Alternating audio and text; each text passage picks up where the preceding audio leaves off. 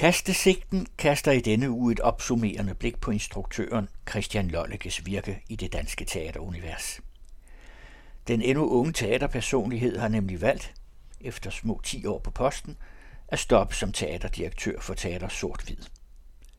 Hør her en kærlig kritisk karakteristik af en af dansk teaters mest markante skikkelser gennem de sidste 15 år.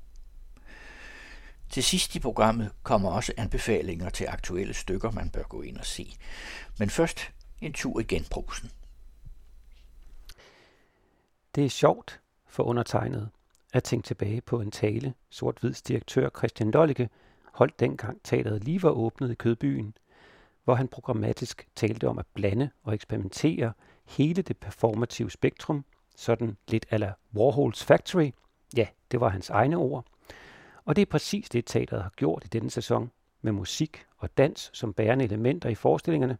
Ja, faktisk er nærværende Sandmanden vel det mest teateragtige stykke, vi har kunne se her. Missionen er altså lykkes, eller måske rettere i gang med at lykkes. Her bliver noget nyt til, et nyt teatersprog, om man vil. Og da vi stod foran teateret bagefter, var vi begge enige om, at i denne sammenhæng var det dansen og det fysiske fortællesprog, der lykkedes bedst. Det meste af dialogen virkede ærligt talt lidt træt i hængslerne. Sådan lidt didaktisk på en ikke så spændende måde. Men det glemte man heldigvis, fordi teksten så ofte blev overmandet af alle spøgelserne på scenen. Citat slut. Ja, jeg indledte helt uortodokst denne kastesigte med at citere mig selv fra en tidligere udgave, nemlig april 22. Dette greb giver forhåbentlig underfundig mening, når jeg hørt min karakteristik af Christian Lollicke, der som nævnt i introen stopper som teaterdirektør for Sort Hvid. Det teater, han både har bygget, navngivet og været direktør for i et lille årti. Et teater som Lollicke, sammen med en masse talentfulde medskabere selvfølgelig, altså lykkedes med at give en profil på tværs af de konventionelt opdelte scenekunstgenre. Det er et teater, der under Lollikes ledelse har kultiveret en nysgerrig tilgang til alle dimensionerne af scenekunstrummet, og som har inviteret musikere, dansere, landmænd og politiske tænkere ikke bare ind i huset, men også ind i forestillingerne. Og som Lollike altså nu overlader til Natalie Melby, uddannet scenograf, der som Lollike selv engang gjorde, nu tager turen til hovedstaden via Aarhus Teater. Lollike, født i 1973, gik ikke på en af scenekunstskolerne, som de fleste af hans jævnaldrende i dansk teater, men på dramatikeruddannelsen ved Aarhus Teater i årene 1998 til 2001. Fire år senere blev han fastansat på teateret, og i 2011 tog han springet over Storebælt og blev teaterdirektør for det nu hedengangne Café-teateret i Skinnergade. De 10 år i Aarhus har jeg ikke andet kendskab til, end det jeg kan læse på diverse hjemmesider. Første gang jeg hørte hans navn, var da Skakten blev nomineret til en Røgmert, og kort efter, da vi alle sammen hørte om ham, i kraft af at stykket Manifest 2083, baseret på Anders Bering Breiviks liv og tanker op til hans afsindige udød, blev diskuteret og fyldte rigtig meget i medierne. Men vi skal faktisk helt frem til 2013, før jeg første gang så et lollikke-stykke. Det var All My Dreams Come True, som gik på den anden opera, et andet spændende scenekunstrum i Kronprinsensgade, som desværre heller ikke eksisterer mere. Og det var en åbenbaring. For undertegnet ja, men også for andre, jeg har talt med, der har beskrevet, hvor stærkt stykket påvirkede dem. Jeg kan ikke i en form, der passer ind i dette kaleidoskopiske blik på Lollikes virke, gå i dybden med, hvad det var, som All My Dreams Come True kunne, og som gjorde det så anderledes. Men kort beskrevet synes der at have været en lykkelig syntese mellem replikker, personinstruktion, skuespilspræstationer og godt iscenesat afmagt over for egne og verdens storskaber. Således at hele rummet blev fyldt med en intens energi, og som fik stykket til at lykkes med at overlevere og plante en desperation i blandt publikum. I hvert fald os. Jeg så stykket sammen med en teaterveninde, som jeg stadigvæk ser meget teater med, og vi deler den dag i dag, 10 år efter, opfattelsen af, at der var et før og et efter All My Dreams Come True i vores lille teaterverdens opfattelse. Det er jo ikke det samme som at sige, at netop dette stykke var genialt, eller bedre end så meget andet teater. Det ramte os bare på en ny og uforberedte som vi var, overrumplende måde. Det lyder måske banalt, men jeg gik efterfølgende rundt i flere dage med længselen efter at lave om på mit liv og på den verden, jeg tilfældigvis genopfører hver dag.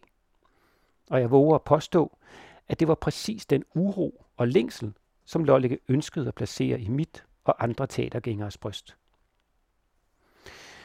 Og nu er jeg en anelse usikker på kronologien, men som jeg husker begivenhedens gang, så var det næste stykke, jeg så, hvad der måske var en repremiere på Projekt Landbrug, denne gang på Café-teateret. Et stykke, som jeg faktisk senere brugte i min phd afhandling Og stykkets modige brug af rigtige landmænd, der hver aften kørte fra deres gårde ind til København for at være guides i Lolleges landbrugsteater, samt formatet, hvor medlemmer fra etisk råd sad ovenover en avantgardistisk svineslagte performance. Ja, det var sgu virkelig godt gået, og så ovenikøbet balancerende et stof, som jeg var så fortrolig med. Det var også på café-teateret at Lollike lagde hus, til hvad man nu i bagspejlet kan opfatte som Nilsens transformation til Madame Nielsen i stykket Transformator, hvilket meget poetisk også var det stykke, der lukkede og slukkede det kære gamle teater i Skinnergade, for hen på sommeren opstod der brand, og Lollike og Company måtte rykke ud i Parkhus 11 mens de crowdfundede kapital til at bygge et nyt teater i Kødbyen med. Og det var her i Nordhavn, at hans begævelse i forhold til at skabe fremmedgørelseskunst blev forløst i hvad jeg regner for hans hovedværk, The Living Dead. Det var igen skuespilleren Morten Burian fra All My Dreams Come True, denne gang sammen med Maria Rik, Øslem Sallenmark og et kor klædt i burka, der skabte et magisk panorama af forskellige sensibiliteter og vinkler – på flygtningens lod i Barrosos Europa og Pia Kærsgaards Danmark. Jeg kan huske, at jeg i forjen efter forestillingen mødte en god gammel ven, der vist nok i dag er professor på et kunstakademi et eller andet sted i Europa, og som jeg ikke havde set længe og heller ikke lagt mærke til, da vi kom ind. Og han var så fuldstændig overvældet af stykkets kraft, at han nærmest var stum.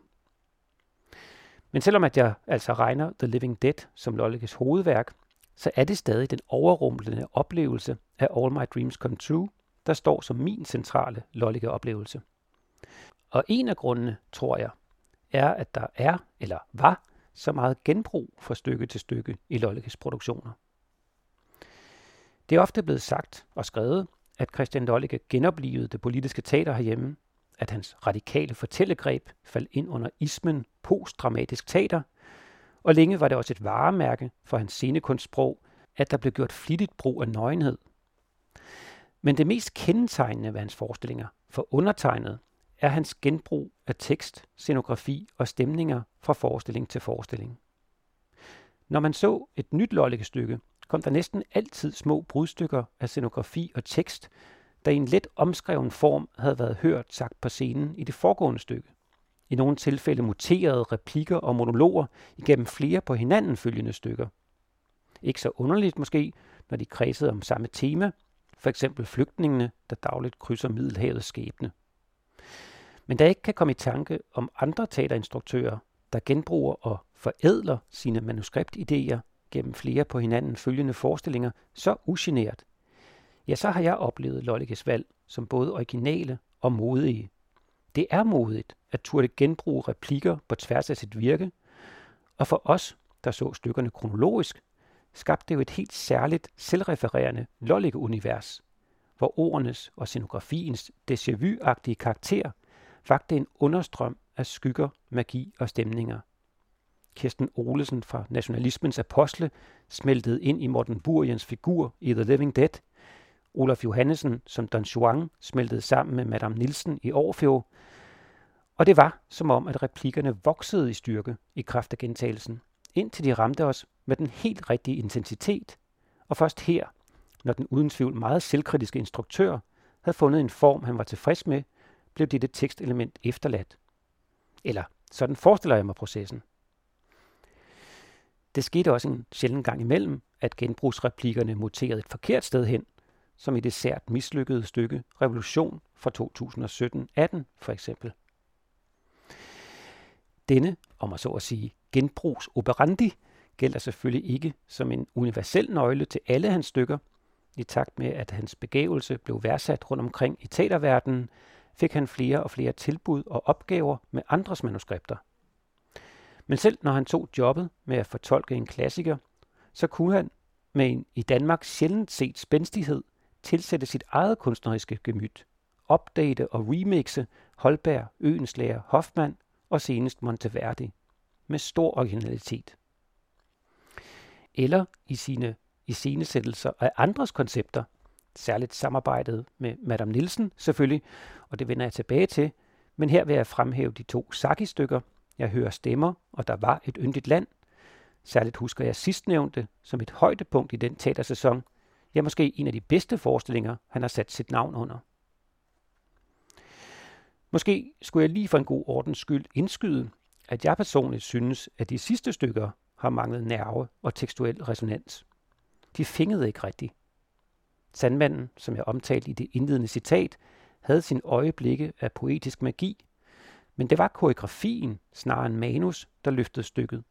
Og helt søvndystende synes jeg, at denne sæsons Leonora Christine på Aarhus Teater var.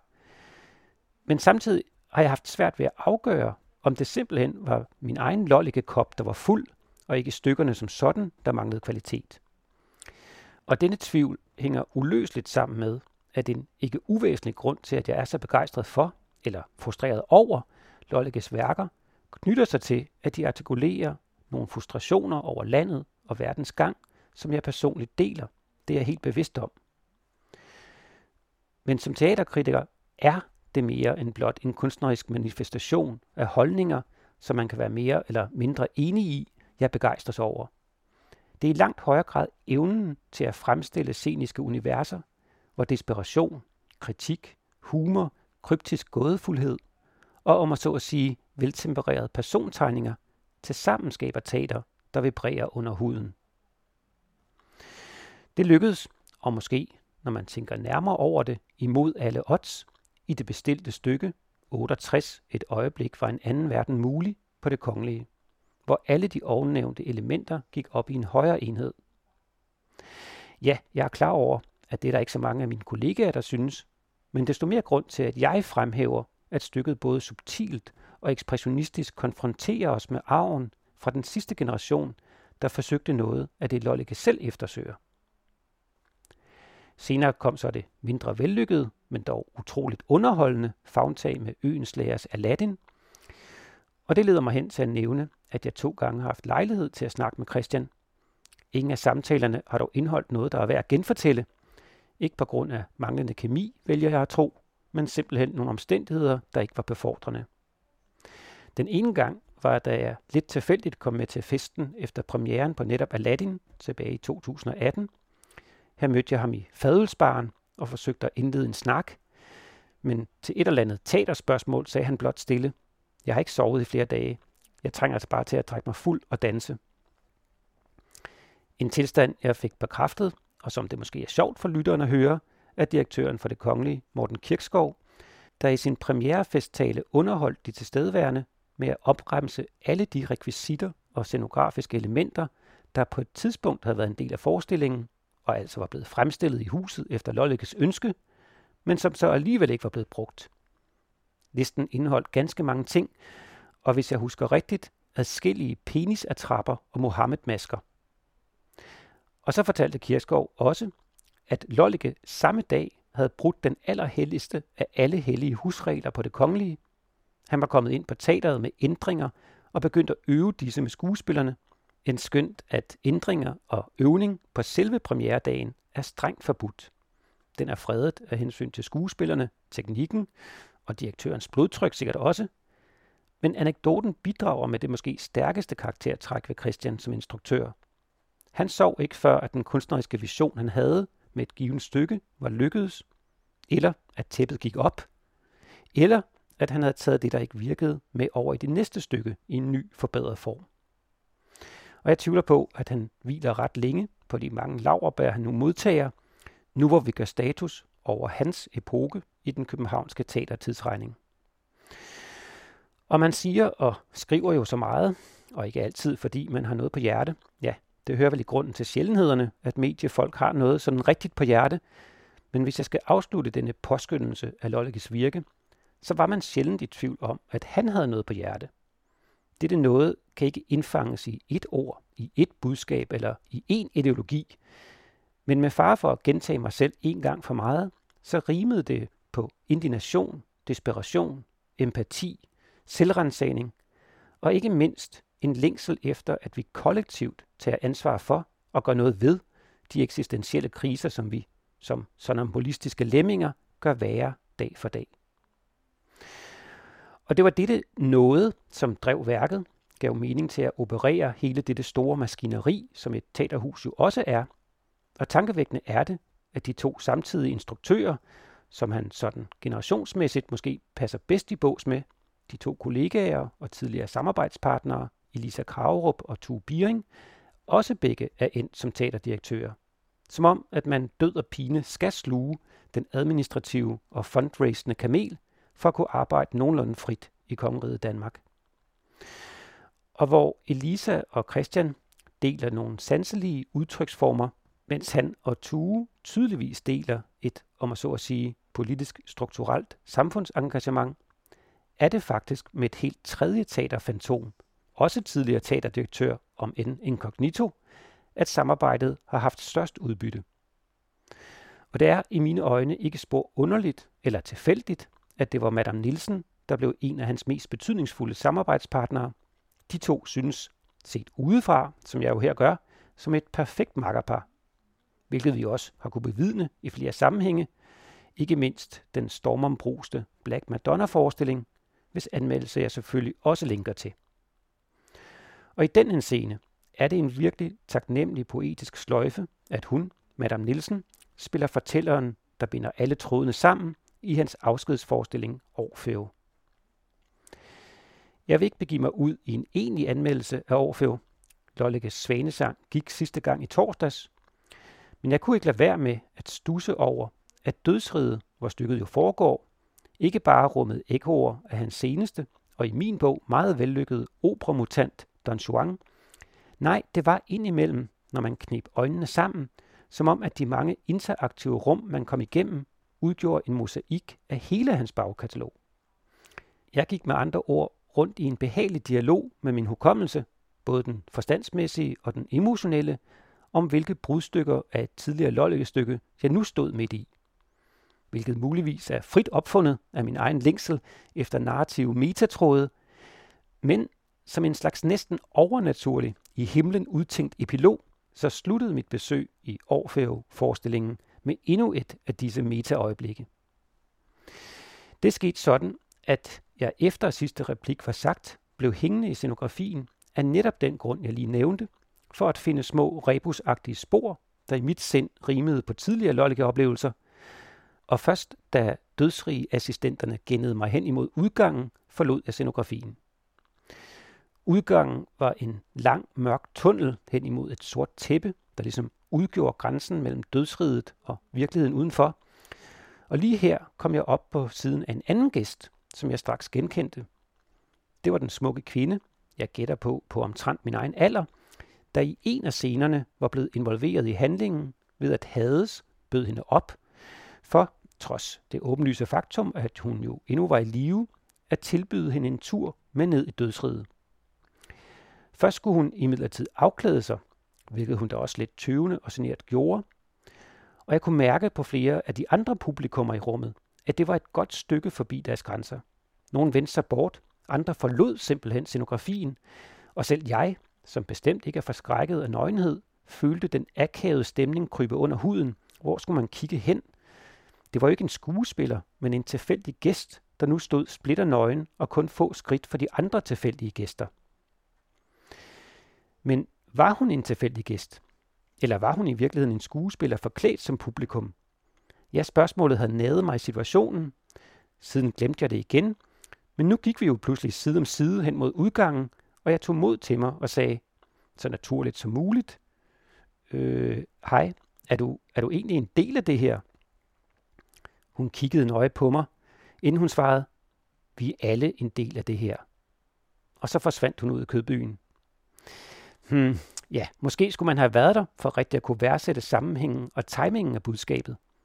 Men uanset om kvinden var skuespiller eller blot havde internaliseret Lollekes budskab så helt og aldeles troværdigt, så opfattede jeg denne afskedssalut på selve tærsklen til dødsriget som det allermest centrale budskab i Lollekes virke. Vi er alle en del af det her. Og ligesom spørgsmålet om denne kvindes identitet spørger, så kunne man, hvis man skal lave sådan en lidt kritikeragtig krølle på denne påskyndelse af Christian Lollekes virke som teatermenneske, vende tilbage til Aladdin-stykket. Her havde han lidt frægt og kryptisk klippet et udsagn fra øens lærers guldhornene ind. Hvor er de sjældne få, som vor gave forstå? blev der spurgt fra scenen. Og lidt søgt kan man måske afslutte vores hyldest til ham her med den konstatering, at teaterpublikummet og anmelderne for den sags skyld fyldte hans horn op med guld. Men om vi forstod hans kalden og opråb om at rykke ud af apatien, der martrer denne epoke, ja, der er jeg knap så sikker. Anyhow, Christian skal selvfølgelig også have et digt med på vejen. Det er jo ritualet her i kastesigten. Og det bliver, om ikke i hans, så i hvert fald i min ånd, et kort stykke rebusprosa af Walter Benjamin. Kinesisk porcelæn I vore dage må ingen lægge sig fast på det, som han kan. Styrken ligger i improvisationen. Alle afgørende slag vil blive ført med venstre hånd. Ved begyndelsen af en lang vej, der fører ned ad bjerget til Asias hjem, som jeg besøgte hver aften, er der en port. Da hun var flyttet, var portvælvingens åbning for mig fra nu af som et øre, der har mistet hørelsen. Et barn klædt i natskjorte er ikke til at få at hilse på en gæst, som netop ankommer. De tilstedeværende taler forgæves til det ud fra et højere moralsk standpunkt for at overvinde dets snærpethed. Nogle få minutter senere viser barnet sig for gæsten, dengang splitter nøgen. Det havde i mellemtiden vasket sig. Landevejens kraft er forskellig, alt efter man går hen ad den eller flyver hen over den i et aeroplan. På samme måde er en teksts kraft også forskellig, alt efter om man læser den eller skriver den af. Den, der flyver, ser kun, hvordan vejen langsomt rykker frem igennem landskabet. For ham ruller den afsted efter de samme regler som terrænet, der ligger udenom. Kun den, der går vejen, opdager dens magt, og hvordan den fra akkurat det samme landskab, der for den flyvende blot er en udstrakt flade, med hvert sving kommanderer fjerne udsigter, belvedere, lysninger, prospekter frem, ligesom befalingsmandens råb kalder soldater frem fra en front. Kun den afskrevne tekst kommanderer på samme måde med det menneskes sjæl, som er beskæftiget med den, mens den, der bare læser, aldrig lærer de nye udsigter i sit indre at kende, hvordan teksten, denne vej igennem den indre urskov, som hele tiden vil gro til, baner dem frem.